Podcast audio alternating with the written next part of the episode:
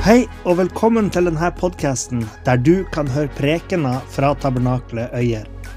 Vi håper det du hører her, vil være til oppbyggelse for det, og at det kan være til hjelp med å lede det til sannheten om Jesus. Hvis du ønsker å finne ut mer om oss, kan du gå inn på hjemmesida vår på tabernakletoyer.no.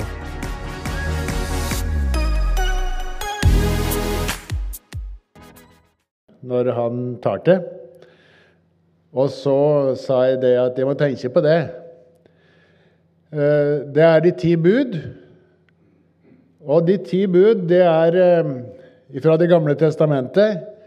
Og når vi vet at eh, Niklas han er en mann som graver i dybden og, og finner mange aspekter som den stakkar ikke klarer å tenke på, for det er ingen dybdegransker. Jeg er ingen analys, analysør på djupt nivå. Det ligger egentlig ikke for meg. Eh, Birger sier det at han eh, gjør det bedre på høvelbenken enn her. Ja, det kan være sånn med flere av oss, det. Vi kan ha behov for å ha en høvelbenk ut med oss. Eh, Men derimot så har jeg fra mitt eget liv prøvd å søke meg bak det usynlige, eller det, bak det synlige, for å finne det usynlige. Og det har vært eh, min eh, erfaring av Gud. Det at jeg kunne søke ham og finne han sjøl om jeg ikke ser han. Og jeg har eh, nå hatt den glede å stå her i og ansvar i, i ti år, faktisk. Og prøve å lede dere inn i en, oss alle inn i en, eh, en, et samfunn med Herren. Det har eh, sine fordeler og sine svakheter, for dere kjenner meg så godt. Men eh, jeg vet det I mine unge år så, så um, snakka jeg ved Herren. Så sa jeg det at eh, det er ikke noe gagn i å prate til deg og be til deg, for du svarer ikke. Fordi jeg hadde lest om dem som søkte med ånd, åndsmakter, spiritisme, og blant andre og sånne ting. Og der var det en realitet som ble synliggjort. Hvor skremmende det enn kan høres ut. Men sånn er den åndelige verden. Det er noe som vi ikke ser. Og det har med åndsmakter å gjøre, og det har med Gud å gjøre. Og når jeg hadde bedt den bønnen, så la jeg meg til å sove, for jeg hadde jo søkt Gud mange ganger. Jeg syntes det her var tørt og vanskelig. Men da hadde jeg en eh, veldig sterk opplevelse med Gud i etterkant, der han viste meg åndelige realiteter som jeg ikke visste var der. Og det ble bare en løsning på det. Det var å kalle på Jesus. Og da ble det, det andre det ble borte. Det flykta. For under hans navn er det ingen som er hans like. Det er ingen som kan stå opp imot Gud. Jeg vil nevne en annen historie som kom for meg. der Jeg hadde jo en eh, gammel onkel. Og det var min eneste onkel i fysisk forstand. Og han sa det Jeg har hørt om det, sa han, at folk sier de har hatt blitt angrepet av den onde. Og det har jeg aldri trodd noe på, sa han.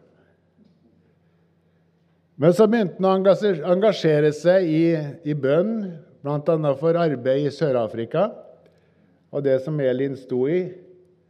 Og så ble han sterkt anfekta åndelig en spesiell uh, utrivelig opplevelse, så sa han det. Jeg måtte rope på Jesus.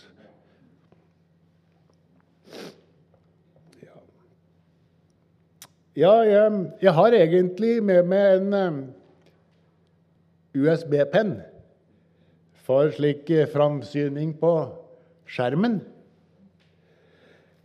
Men fordi temaet var så stort, så var jeg redd det skulle gå med dere som det gjorde med tjeneren som satt i glasskarmen da Paulus prekte. At dere falt i søvn og datt ned og brakk nakken.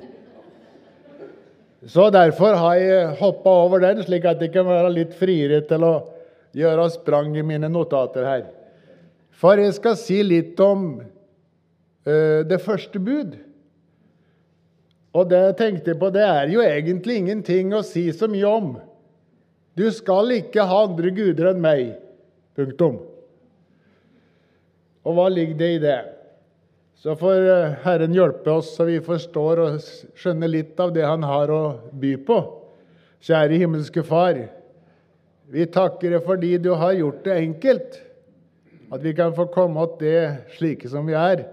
Og at vi kan få live i etter din vilje. At vi kan ha deg som vår frelser og Gud, og ingen andre. Vi priser ditt navn, velsign ditt ord, Herre, fordi du er den eneste sanne Gud. Amen. Eh, det med å tilbe Gud og ha Han som min frelser, det har egentlig eller som min leder. Det har vært min eh, barndomsopplæring. Kanskje jeg kan si det sånn. Men ikke bare det har vært min tilflukt. Og jeg husker, Det blir jo litt personlig vitnesbyrd at det her inneblant, og og da kan hende må sløyfe mer av punktene nedenfor, men det sier det blir dårligere av den grunn. Men jeg husker jeg var på et bønnemøte. Det er noen som vet hva det er? Det var en sånn flekk vi samla oss i et lite hus gjerne og bøgde kne og ba til Gud. Det, vi er ikke overstrømmende flinke til det nå i dag. I hvert fall ikke i slik sånn uh, offentlig sammenheng. Og jeg skal ikke skryte på meg at jeg er bedre enn noen andre så er ikke der det ligger. Men vi var oppe på Hågå, og som Olav og Hilda Gudbrandsen. Og så var det tåla på dette med å overgi livet sitt til Gud. Og så var det snakka på eh, Charles Finney, tror jeg det var, en kjent eh, evangelist borti Amerika.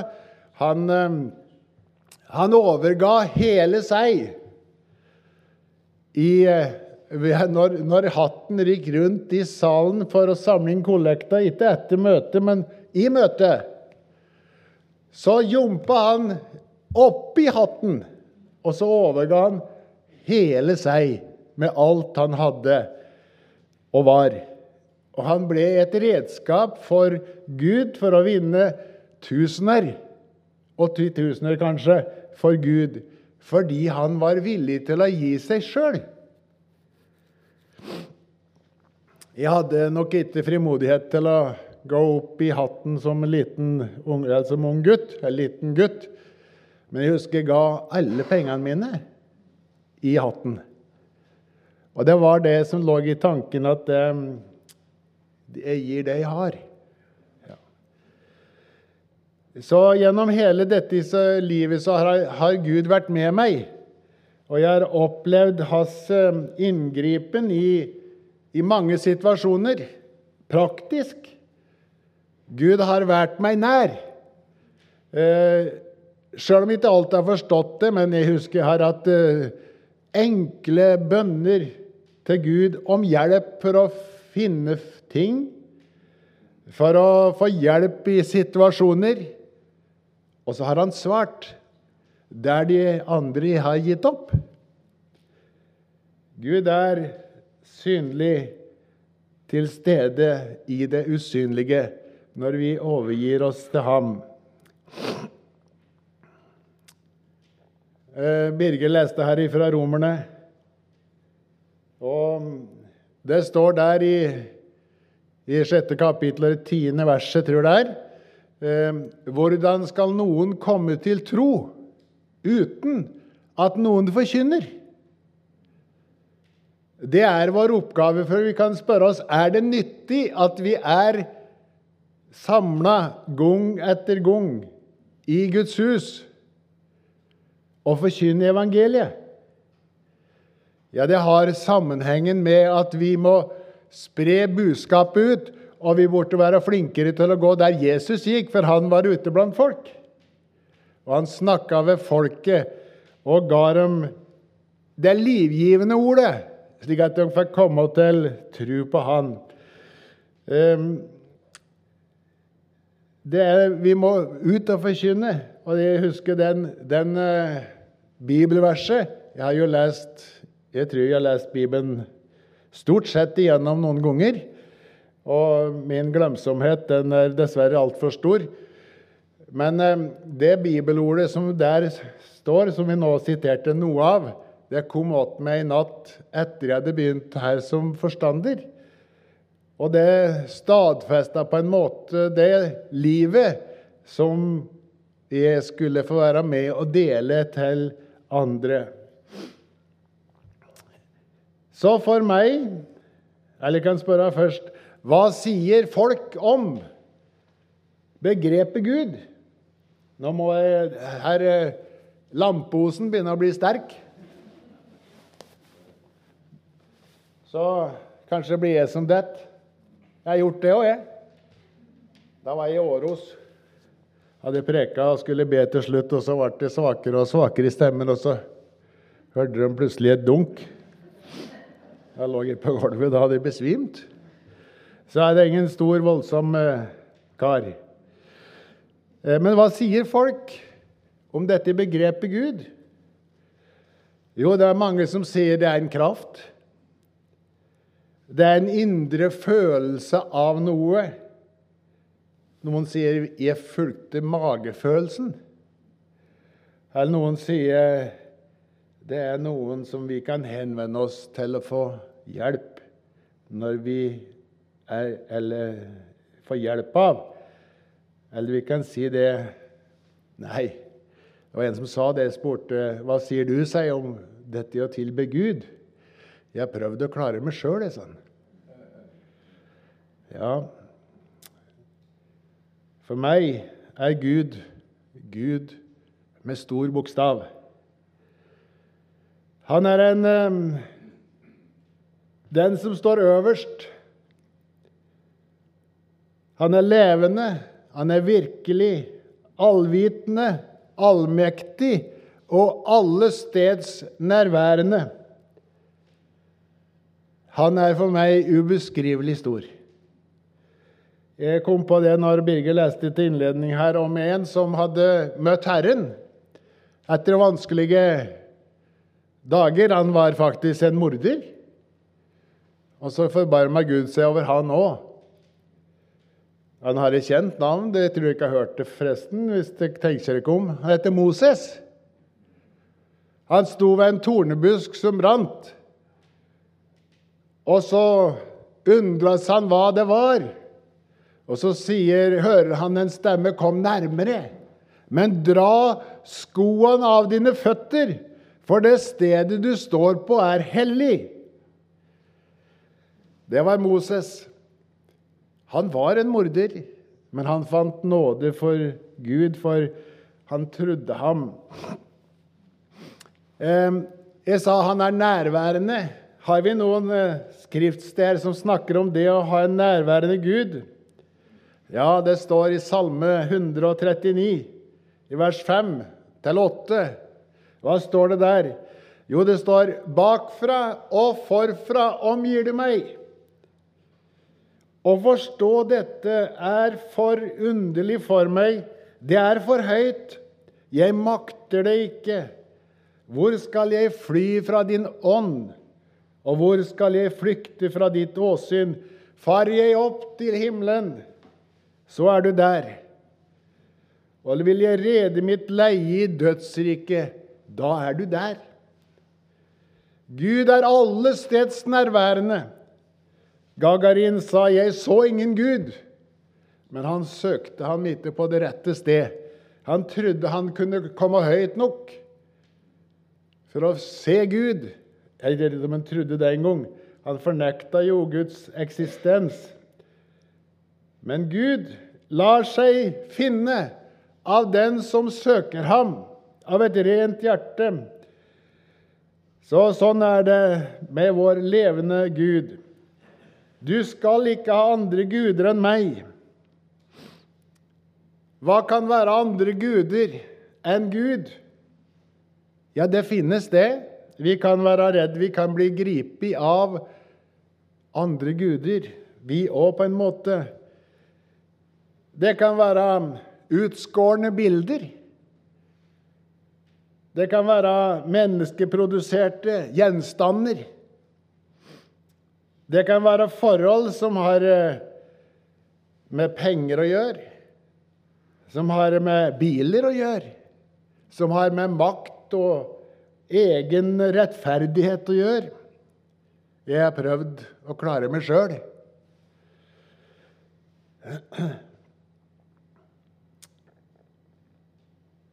Billedlig og åndelig så har ofte dette med gude, andre guder det er en eh, sammenheng med økonomi og religion og makt å gjøre. Det var eh, to karer som kom til eh, efeserne. Og så forkynte de Jesus som den levende frelser og herre. Og det ble oppstandelse og opprør blant folket der. Og så var det en sølvsmed, det står om han. Han var eh, faktisk blitt rik. Og hans business det var å lage sølvtempler. Om eh, Hva heter hun dama? Som, det var Diana. Dianas tempel. Eller det står ikke det heller. Det står, jo, det står det, men skal vi se, finne et navn her nå. Eh, stor er Efesenes Artemis, ropte folket. De gikk ut, og Paulus og hans eh, sammenhjelpere eh, de ble kasta i, i fengsel. Det var opprør. Fordi de sa hvis disse folkene får forkynne Kristus, så mister vi vår inntekt. Og En annen sted så står det der Kristus ble forkynt, der kom folk med sine trolldomsbøker og la dem ned framfor apostlene, og de brente dem. Og det var verdt tusenvis av kroner. En, eh, en, de overga det de hadde, fordi de møtte en som var større.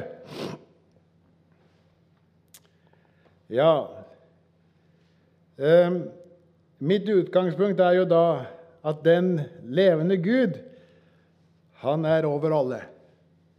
Derfor er det naturlig for oss å tilbe Han, ikke ha andre guder enn Han. Eh, klarer vi oss uten Gud? Nei, det vil alltid være et tomrom uten Gud i vårt hjerte. For det står i Forkynneren 3,11 også Nei, alt har Gud lagt eh, Skapt, står det vel. Skal vi se. Alt har Gud gjort vakkert i sin tid. Og også evigheten har han lagt ned i deres hjerter. Men likevel kan mennesket ikke forstå det Guds verk som var fra begynnelsen til enden. Så vi, Sjøl om vi vet dette, her, så klarer vi ikke å forstå hva Han har tilberedt for oss. Men det vil alltid være et sug, en lengsel, etter å finne den evige sannhet. Og når vi finner Han, faller vår sjel til ro. Jeg var og besøkte ei eh, dame inne i fjellet her for noen år siden, mange år siden nå, som hadde levd på lykkepiller i mange år. Så sa hun det jeg levde på lykkepiller til de ikke virka lenger. Så doktoren sa jeg måtte slutte. Men nå maler jeg bilder, sa hun. Så da har du fått en ny Gud, da, sa jeg. For det, det tok hele hennes oppmerksomhet. Det var det hun gikk inn for. Og så fikk jeg si, vitne for henne om å ta imot frelse i Kristus. Så bygde vi kne ved en stol på Sæterhytta i fjellet. Den som kommer til Herren, han finner fred for sin sjel.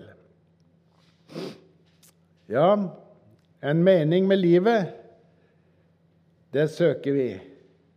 Vi søker å erstatte denne evighetslengselen vår med andre ting, surrogater, erstatninger.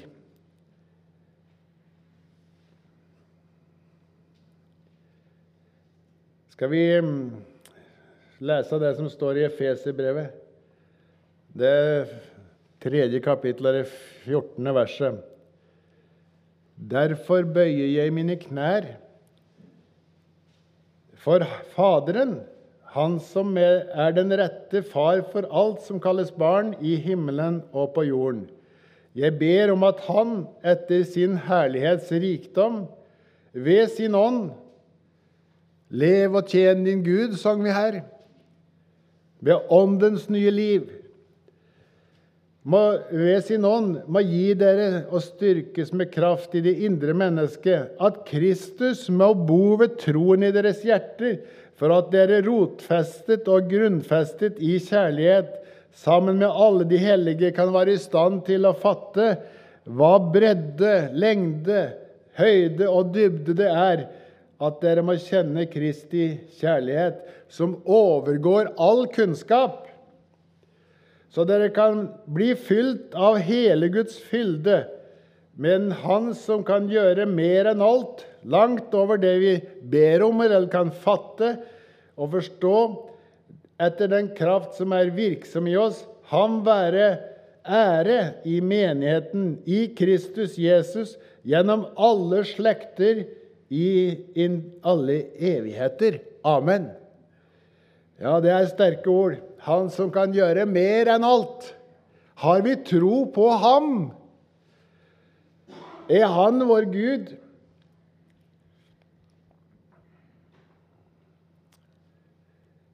I Galaterne 3, 24 står det Slik er loven blitt vår tuktmester, de ti bud. Og loven, Moseloven, er blitt vår tuktemester til Kristus for at vi skulle bli rettferdiggjort av tre tro. Ja, hva gjør en tuktemester? Jo, han lar oss innse hva vi har gjort feil. Vi får tukt for noen ting.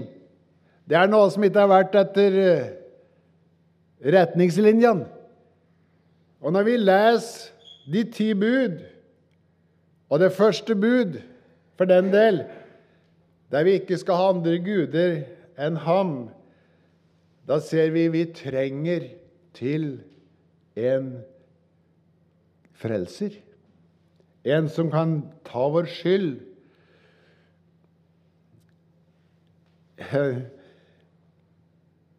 Det er et tillitsforhold mellom Gud og oss som må være til stede et eh, far-sønn-datter-forhold. Det, det, bør ikke brytes, for når det brytes, blir det borte, det gode samfunnet som vi skal ha med Herren.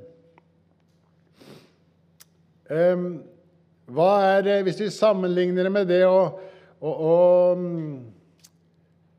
En far som tilretteviser sine barn, da så er det en god far, så taler han ut hva som er riktig. Og så sier Og så lytter barnet og tar imot det som blir sagt, og, og lar det bli til etterfølgelse. Vi, vi måtte høre hva far sier. Og hvordan kan vi høre hva Gud sier? Jo, vi må venne oss til ham. Vi må be til ham. Eh, jeg har nevnt på det før. og det har, han eh, som var på Nå husker jeg ikke hva han heter, selvsagt, men eh, var nå borte på Øyer kafé i sin tid. Halvorsen, ja. Han sa er du så dum du, du ber til Gud, sånn, så må du regne med han svarer det, sånn. Ja, så Den eh, enkleste måten er å flykte unna, ikke be til Gud, men Gud svarer. Så det er et tillitsforhold. Og jeg husker Vi hadde noe som het ungdomsmøter. Vi var en god flokk med ungdommer når jeg var ung. Og det er jo ikke så lenge siden, sjøl om det nå er bare noen grå hår imellom. Det har gått fort, egentlig. Men jeg husker vi var i Svarverud på ungdomsmøte, og jeg husker det var den første stua der. Der sto pianoet, og ute i hjørnet mot uh, Øst blir vel der er kanskje der som er alltid bakvendt. Og der satt det. Og så var det vitnemøter, og vi ungdommene vi måtte lære oss til å ha et ord og dele med folk, som, de andre som var der. Og det var ikke like enkelt å finne et ord. Men jeg ble nå rolig for et uh, ord som jeg fant i, i Johannes' åpenbaring.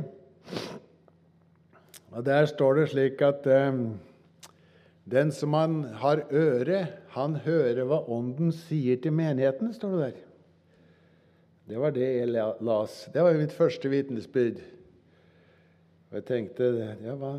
det var jo et ord. Så var det en som reiste seg opp, og så leste han dette i skriftstedet. Himmelens fugler har reder, og reven har huler. Men jeg har ikke en sten å legge mitt hode til, tror jeg, slik omtrent det står etter slått opp. Jeg tenkte det var jo et det var et fint ord. Og hva hadde vel jeg å si? Den som har øre, han hører hva Ånden sier til menigheten. Jo, det har fulgt meg. Det har lyttet til hva Den hellige ånd sier i mitt hjerte.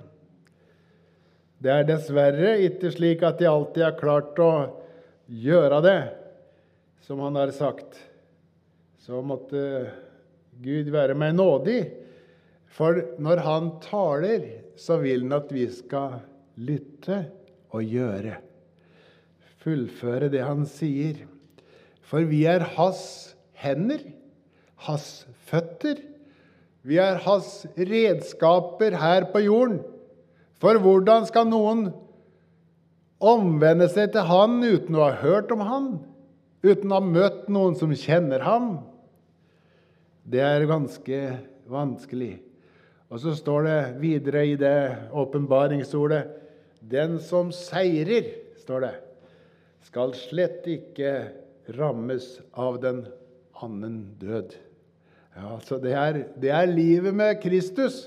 Det å ha Guds ånd i sitt hjerte, slik at han kan høre ham og følge ham og være en eh, del av hans verk.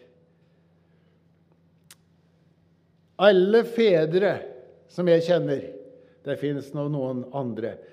Eh, de ønsker det beste for sine barn. De gir råd ut ifra sin kunnskap og livserfaring. Gud er vår far. Og han gir oss råd ut ifra sin kunnskap og livserfaring. Hans kunnskap er uten ende. Hans kunnskap og hans kjærlighet har ingen mål. Han gir oss alt vi trenger til, og alt vi kan bære. Det står òg det at dere har ingen prøvelse møtt som dere ikke kan bære. Så han, han gir oss etter evne av det som er oss gagnlig. Og så er han slik at han, han løfter oss opp. Han strekker oss litt, gir oss erfaringer med han, slik at vi kan våge større ting. Han, eh, hans eh, kunnskap er utømmelig, står det uten, har jeg skrevet her. Uten ende. Og så har jeg tenkt litt på skaperverket. Du, så vakkert. Du, så fullkomment. Og så er du og jeg en del av hans skaperverk. Klyp deg i armen og kjenn om du lever. Og det lille klypet i armen det betyr at du har nerver som sender signaler om at du får smerte ved at noen klyper deg i armen. Det er funksjoner som han har skapt.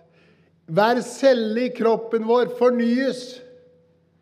Den gamle dør, men nye kommer. Det er et liv som vokser fram stadig. Han er den som fornyer oss. Daglig gjør han det. Har du tenkt på hvor mange deig det finnes? Ikke deig. Det er mange deig, deiger.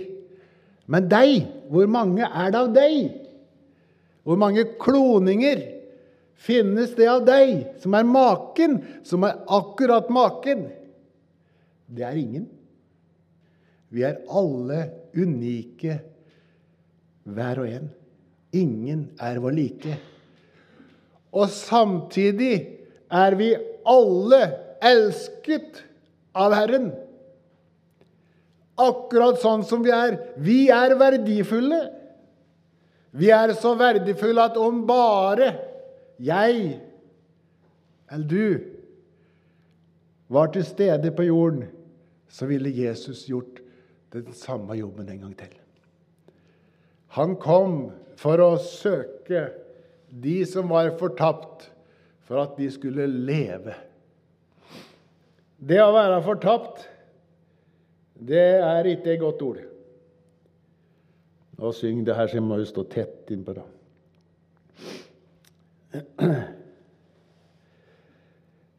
Det står i Johannes Johannes Det står det ikke. Jo, det står det. 17,3. Dette er det evige liv. At vi kjenner deg, den eneste sanne Gud, og ham du utsendte, Jesus Kristus. Det er det evige liv. I ham var det liv, står det. Og livet var menneskenes lys. Står i Johannes evangelium, første kapittelet. I Johannes 3, 16 Nå skal jeg prøve å forrykke temaet mitt litt her. I Johannes 3, 16 der står det For så høyt har Gud elsket verden, at hver den som tror på ham, ikke skal gå fortapt, men ha evig liv. For Gud sendte ikke sin sønn til verden for å dømme verden, men for at vi, verden, vi mennesker i verden, skulle bli forfrelst. Nå leste jeg i Vårt Land her om dagen denne lille Bibel, den skal under lupa. Fordi det var noen som hadde meldt ifra til eh, oversetterne at eh, de, de blir skremt. Eh, de blir Hva, hva sto det? Det ble ja, De ble, redde, altså. De ble opprørt eller plaga av at det står for, om fordømmelse i den lille Bibelen. For at ingen skal bli fordømt. Så nå skulle da en av de bibeloversetterne gå grundig inn til dette bibelverset for å finne ut om det var en annen måte å skrive det på, som tar bort brodden. Ja, jeg er redd de må ta bort mange sider i Bibelen for å finne for å fjerne det som har med en evig fortapelse å gjøre. Senest i dag så vitna jeg litt om det. og Hvis Gud Hvis det ikke var en fortapelse, da kom Jesus forgjeves. Det var bortkasta arbeid. Det var bortkasta pine og plage. For er det ingen fortapelse, så trenger vi ingen frelse. Men det er en fortapelse. Vi skal unnfly den ved å tro på Jesus Kristus. Han bar vår plage og vår sykdom. Alt tok han på seg. Alt tok han på seg. Ja, det, det er litt stort, det.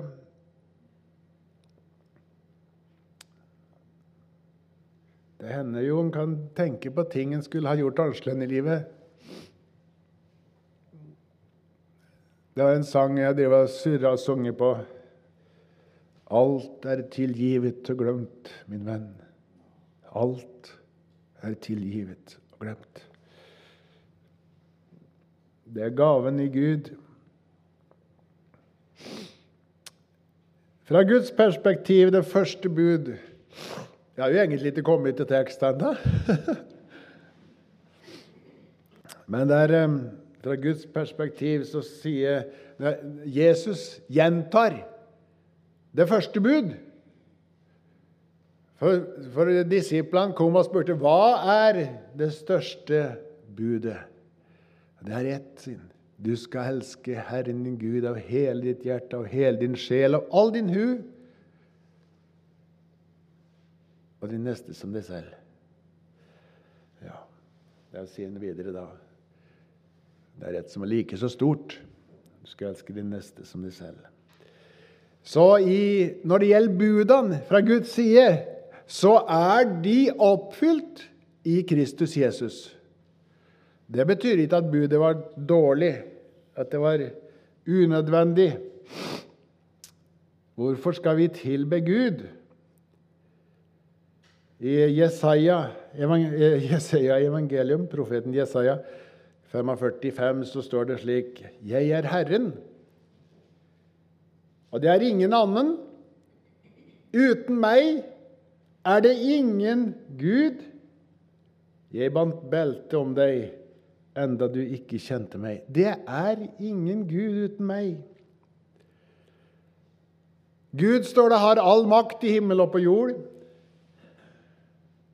Gud skapte himmelen og jorden. Det er jo en uh, preken bare for seg sjøl. Det, er en preken jeg elsker. Å få utbrodere alt som Gud har skapt. Alt som folk prøver å bort, røve bort ifra oss med evolusjonsteorier. Og, og alt har blitt til av seg sjøl, og det store Big Bang, som har gjort at alt som er her, har blitt til av seg sjøl ved en stor eksplosjon. Ja, det er vanvittig. Det skal til stor tro for å tro at alt er blitt til av ingenting. Men han som har all makt i himmel og på jord, han skapte ved sitt ord Det blir lys, og det ble lys. Og han skilte det tørre land fra havet. Og så begynte han skaperverket, og sist av alt så skapte han oss. Så la han evigheten ned i vårt hjerte for at vi skulle kjenne ham og følge ham. Han er kongenes konge. Det står det om i, i uh, Timoteus 6. Hold budet rent og usmittet inntil Jesu Kristi åpenbarelse, som er den salige og alene mektige, skal vise seg i sin tid, han som er kongenes konge og herrenes herre. Det er en stor sak en stor sak når kongen kommer. Eh, den norske kongen, Harald heter vel han, hvis jeg ikke husker feil, han har sammen med Sonja et mål, og det er å besøke hvert, eh, hver kommune i hele Norge. De hadde hatt 42, tror jeg, som har jo kommet langt. De er jo ikke med en litt over 80 år. De siste 40 må jo gå på litt fort, da, kanskje. Men, men det er stor stas når kongen kommer. Eh, Ungene våre eh, Jeg husker ikke hvem det var. Karoline, Hildegunn, Nina. Som var i Hafjell og serverte, eller solgte pølser. Og Så kom hun hjem og så sa de, 'Vet du hvem vi har solgt pølse til i dag?' Nei, vi visste jo ikke det. Jo, vi har solgt eh, pølse til kronprinsen. Ja, det er storstas, de kongelige. Jeg var på et møte på Hedmarktoppen for noen år siden. Det går fort. Og Der var det en kar som heter Dick Ruben. Han er jøde. Jeg vet ikke om han lever lenger, forresten. Det er ikke, jeg har ikke sett noe om det, men det kan gjøre det. Han eh, talte Guds ord, og så sa han, utfordra han hele forsamlingen om å reise seg opp og gå i tog til ære for kongenes konge i salen mens han blåste på luren sin. Hadde like bukkehorn eller et eller annet digert noe, så han Hva heter det? Sofra? Jeg tror det heter det. Ja, Så han blåste. Jeg tenkte det er jo måte på hvor mye rart en skal finne på i Guds hus. Men folk reiste seg opp, og kanskje en av de siste var jeg. For jeg tenkte, hadde det vært Harald, så hadde vi reist oss. Så reiste jeg meg, og så gikk jeg sammen med de andre rundt, og så vi, sang vi lovsanger til Gud. Kongenes konge. Tror du han så det? Tror du han ble æra av det? Jeg sier ikke at vi skal gjøre det her. Vi burde kanskje kunne gjøre det. Folk vil jo tro vi er rare, rarere enn vi ellers er. Men det er noe med å gi ære til Gud.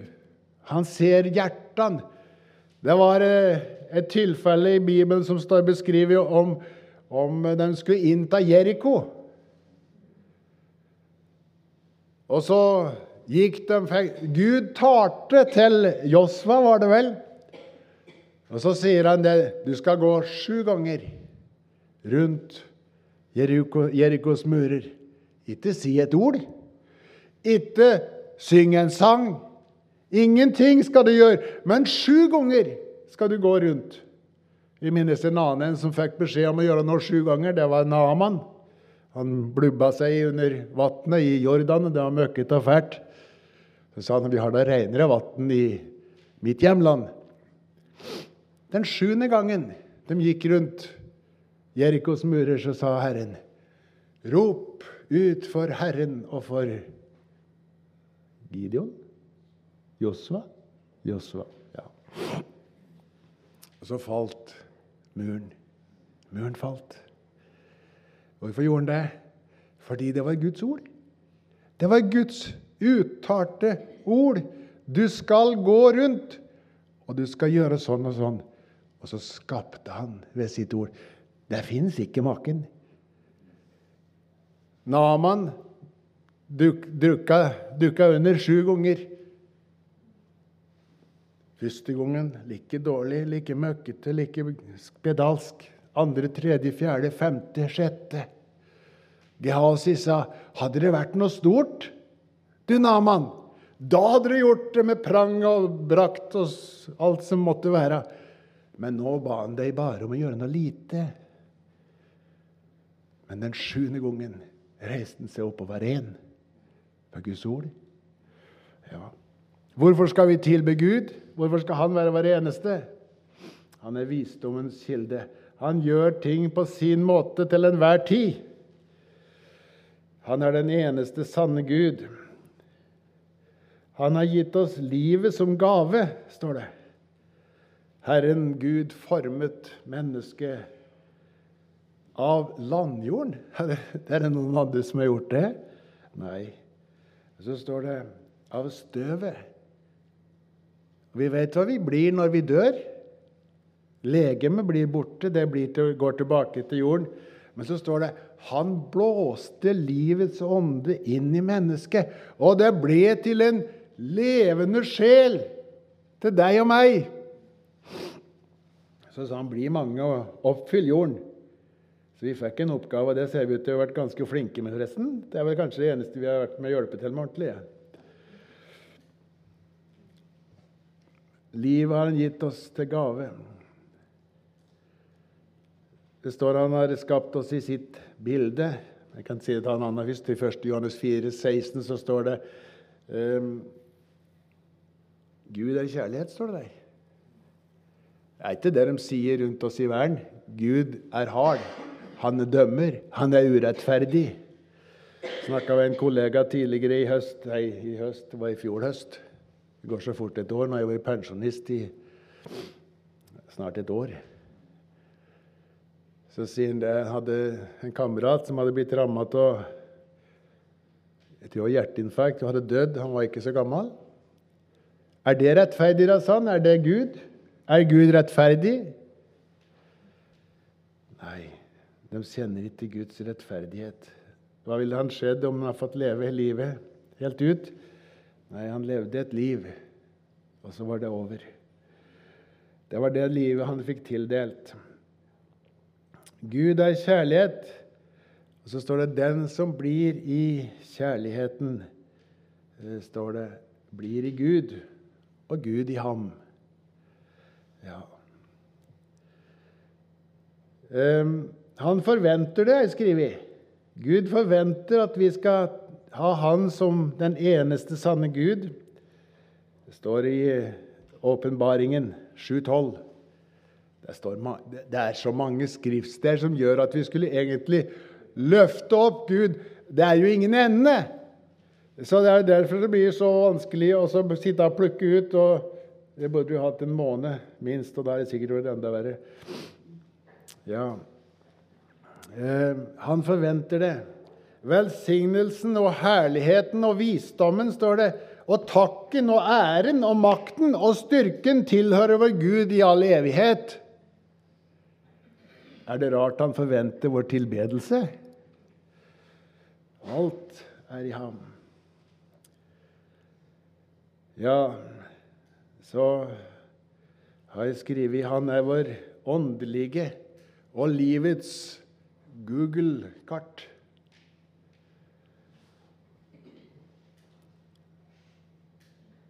Hva sier Johannes 4, 16? Birger leste det før i dag, tror jeg det var. Hvis jeg ikke glemte å ta i. Han sa, 'Jeg er veien, sannheten og livet. Ingen kommer til Faderen uten ved meg.' Og ikke bare det, men han gir oss råd underveis på veien, langs veien. Han tar hånd om oss og leder oss. Jeg har eh, en gammel historie fra meg sjøl. Er så enkelt og banalt at det er helt fælt, men det er jo sant. Ehm, jeg har, når jeg var litt yngre, så var jeg jo trøtt om morgenen. Så jeg hadde jo ringeklukke og skrangla og bråka noe fryktelig for å prøve å våkne. Så sier jeg til Gud, 'Kan du vekke meg klokka åtte?' For jeg må opp uten ringeklokke. Og da klokka var åtte dagen etter, hadde jeg sovet godt hele natta så på klokka da jeg våkna. Det var klokka åtte. Det er banalt. Du kan si det Du kan si hva du vil. Det spiller ingen rolle. Og Det er sånne, mange sånne historier, mange sånne opplevelser av Guds ledelse, Guds hjelp. Jeg har tidligere vitna om når vi dro til Afrika og fikk leid ut huset. Det var ingen, ingen annonser. Så sier Gud, 'Gå innom og se på maleri'. Jeg sier, 'Nei, jeg har aldri sett et maleri. Bryr meg ikke noe om maleri'. Jo, gå innom og se på maleri. Og så gikk jeg innom, og, så ble det veien til dem som legde vårt hus. Når de dro første gangen der jeg gikk og så på maleri Eva Willix heter hun. Så på maleriet hennes, og så sier hun det at eh, 'Jeg vil se på huset'. Og hun kom og så på stasen. og og så sier hun jeg tror det blir for dyrt for meg. Da var det som du dro håndkleet ned framfor ansiktet mitt, og jeg tenkte nei, det, nå tok jeg feil, gitt. Det var dumt. Jeg var så skuffa når hun drog. Men tre dager seinere, fire-fem, jeg husker akkurat hvor mange, da ringte det på døra, og så var det noen som hadde vært hos Eva Willichs og så hadde de spurt kjenner du noen som har et hus som vi kan leie. Og De bodde der i fire år og ville nesten ikke flytte ut igjen og betalte punktlig. Ja. Guds ledelse. En liten til. Vi skulle selge bilen vår. En gammel Citroën GSA. Eh, klubb. 48 hestekrefter. Blå. Utslitt i. Råtne seter. Eh, tynnslitte, så jeg måtte sitte med nål og tråd en hel dag og neste sammen setene. Den lå ute på annonse i, i, i månedsvis. Det var ingen som var interesserte. Ingen! Jeg er jo fortvila. Det var jo en fin bil. I hvert fall gikk den. Så sier Gunn Eva jeg tror vi skal legge den ut på teleannonse, tror jeg det heter. Der kunne den stå ute i tre måneder uten at det kosta mer enn 100 kroner. Det var jo bra. Og så går det en dag, og så ringer en person, og så sier han det. Har du en bil til salgs? Ja. Jeg vil komme og se på den. Ja vel. Når skal vi møtes? Jo, vi kan møtes, husker ikke dagen. Jeg var på Lillehammer, utafor Hellebergbygget, som nå er Brødrene Dal. Det er der midte, det er GK. Nede på plattforma der, eller utstillingsplassen der. Så går han rundt bilen. Da hadde jeg nesta i hop igjen setene, så var det så vidt en kunne se at det var setetrekk på dem. Oljen, lakk Det meste var egentlig skralt. Det skulle ha 14 000 kroner. Det er jo ikke noe voldsom sum, men det var jo mye penger for oss. Så sier han jeg tar bilen, sånn. Ja vel. Han var den eneste som ringte på den annonsen. Han sto ute i tre måneder. Ingen andre ringte. Jeg tror det var en engel. Han reiste og sa ikke et kløyva ord mer om den kjerra. Det var jo et vrak uten like. Det var ikke så ille, men det var ikke noe særlig stas. Guds uh, ledelse gjennom livet, det er så stort. Fra vårt perspektiv så er han vår far. Han er min far. Han har skapt oss i sitt bilde. Jeg har en spesiell tanke om det, at vi er ånd, sjel og legeme. Jeg tror ikke eh, Om Jesus står det 'et legeme skapte du for meg', står det. Og den som har sett meg, har sett Faderen. Så det er en sammenheng der, sammenheng der. Men Gud er så stor at han rommes, tror jeg, ikke i et, en vanlig legeme. Men vi er ånd. Gud er ånd, står det. Gud har en sjel. Dette her er en Bjarne som har undervist meg om, så dette her vet jeg riktig. Vi var i Kenya. Og vi eh, hadde ungdomsleir. Vi hadde bønn og faste for ungdomsleiren. Og det var masse ungdom. Det var hundrevis, kanskje tusen. det vet jeg, husker ikke. På Namatore, du husker det? Ja. Og så la han Bjarne ut om Gud skaperen. Gud Fader. Den hellige ånd. Guds ords kraft. Han sendte Sønnen, Ordet. I begynnelsen var Ordet. Ordet var Gud. Det var Gud som sendte han.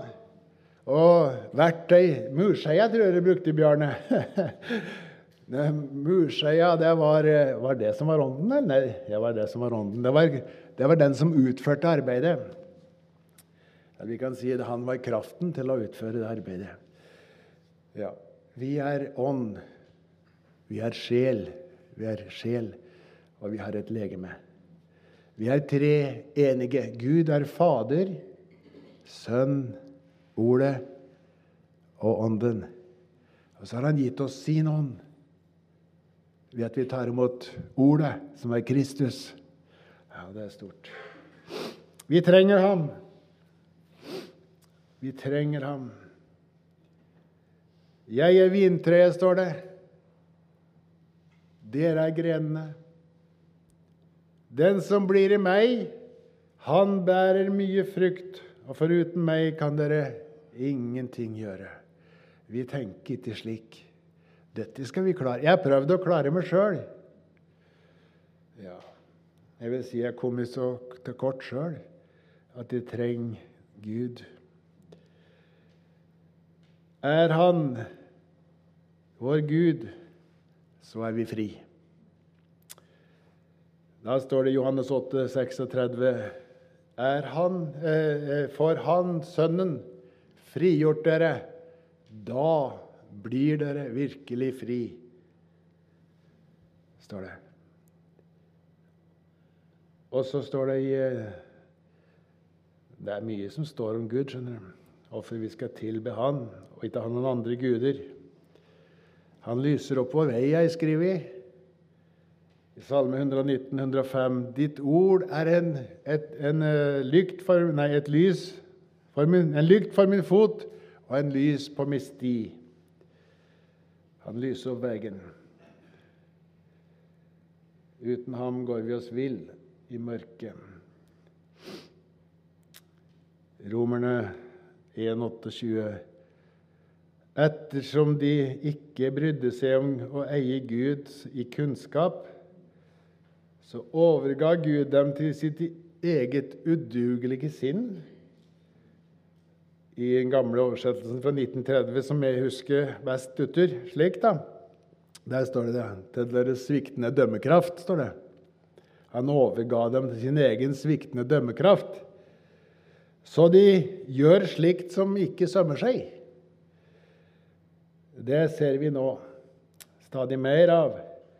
Guds ord og retningslinje, de første bud og alle de andre budene, de blir tilintetgjort i norsk skolevesen og og, og offentlig liv. Det er snart ingen som tør å si at de tror på Jesus. For det blir mobba. Og i beste fall så får du heller det for deg sjøl. ja Hva skjer om vi forlater Gud, da? Jo, det står det. Da blir vi Guds fiende, står det.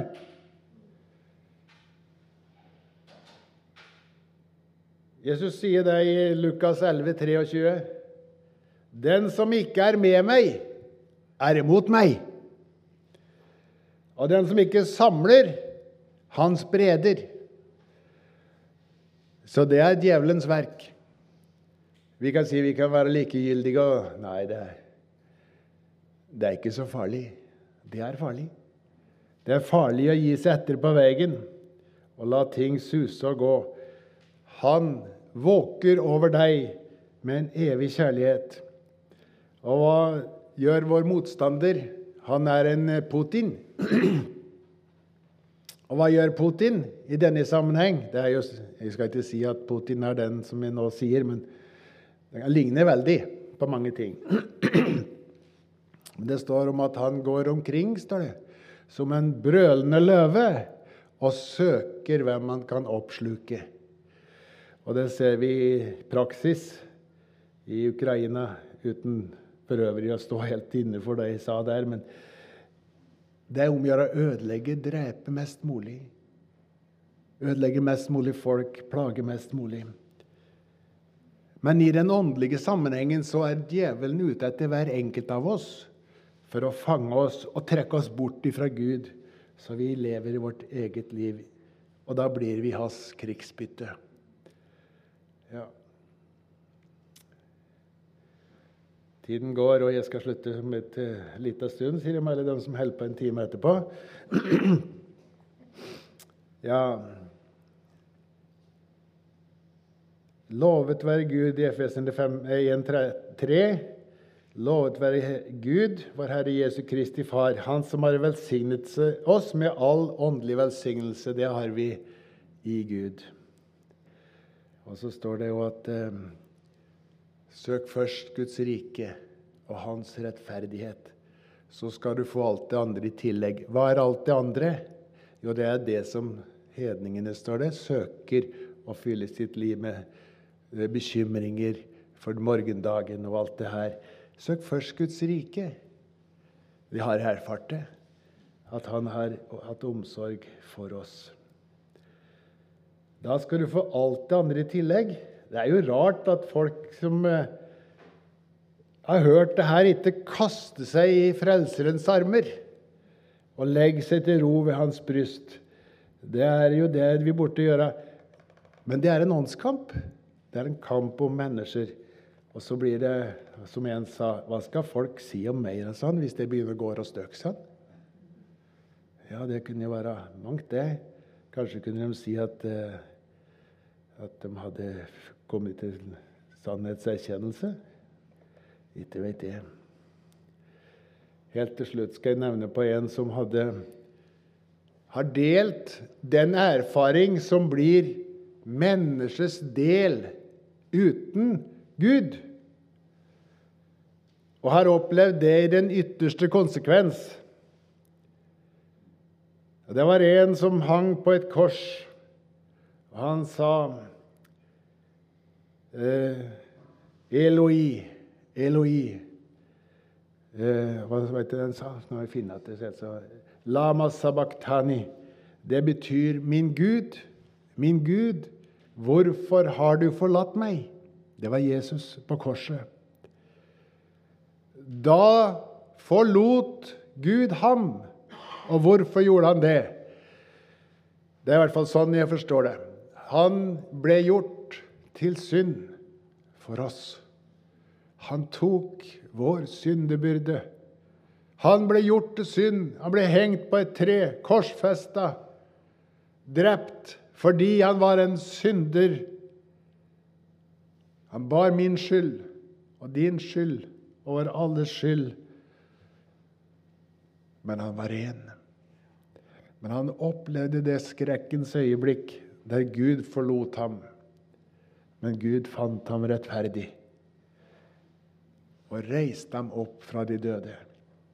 Ga ham vitnesbyrdet om at du er verdig, som det står om i Johannes' åpenbaring, til å åpne lammets bok i den evige himmel.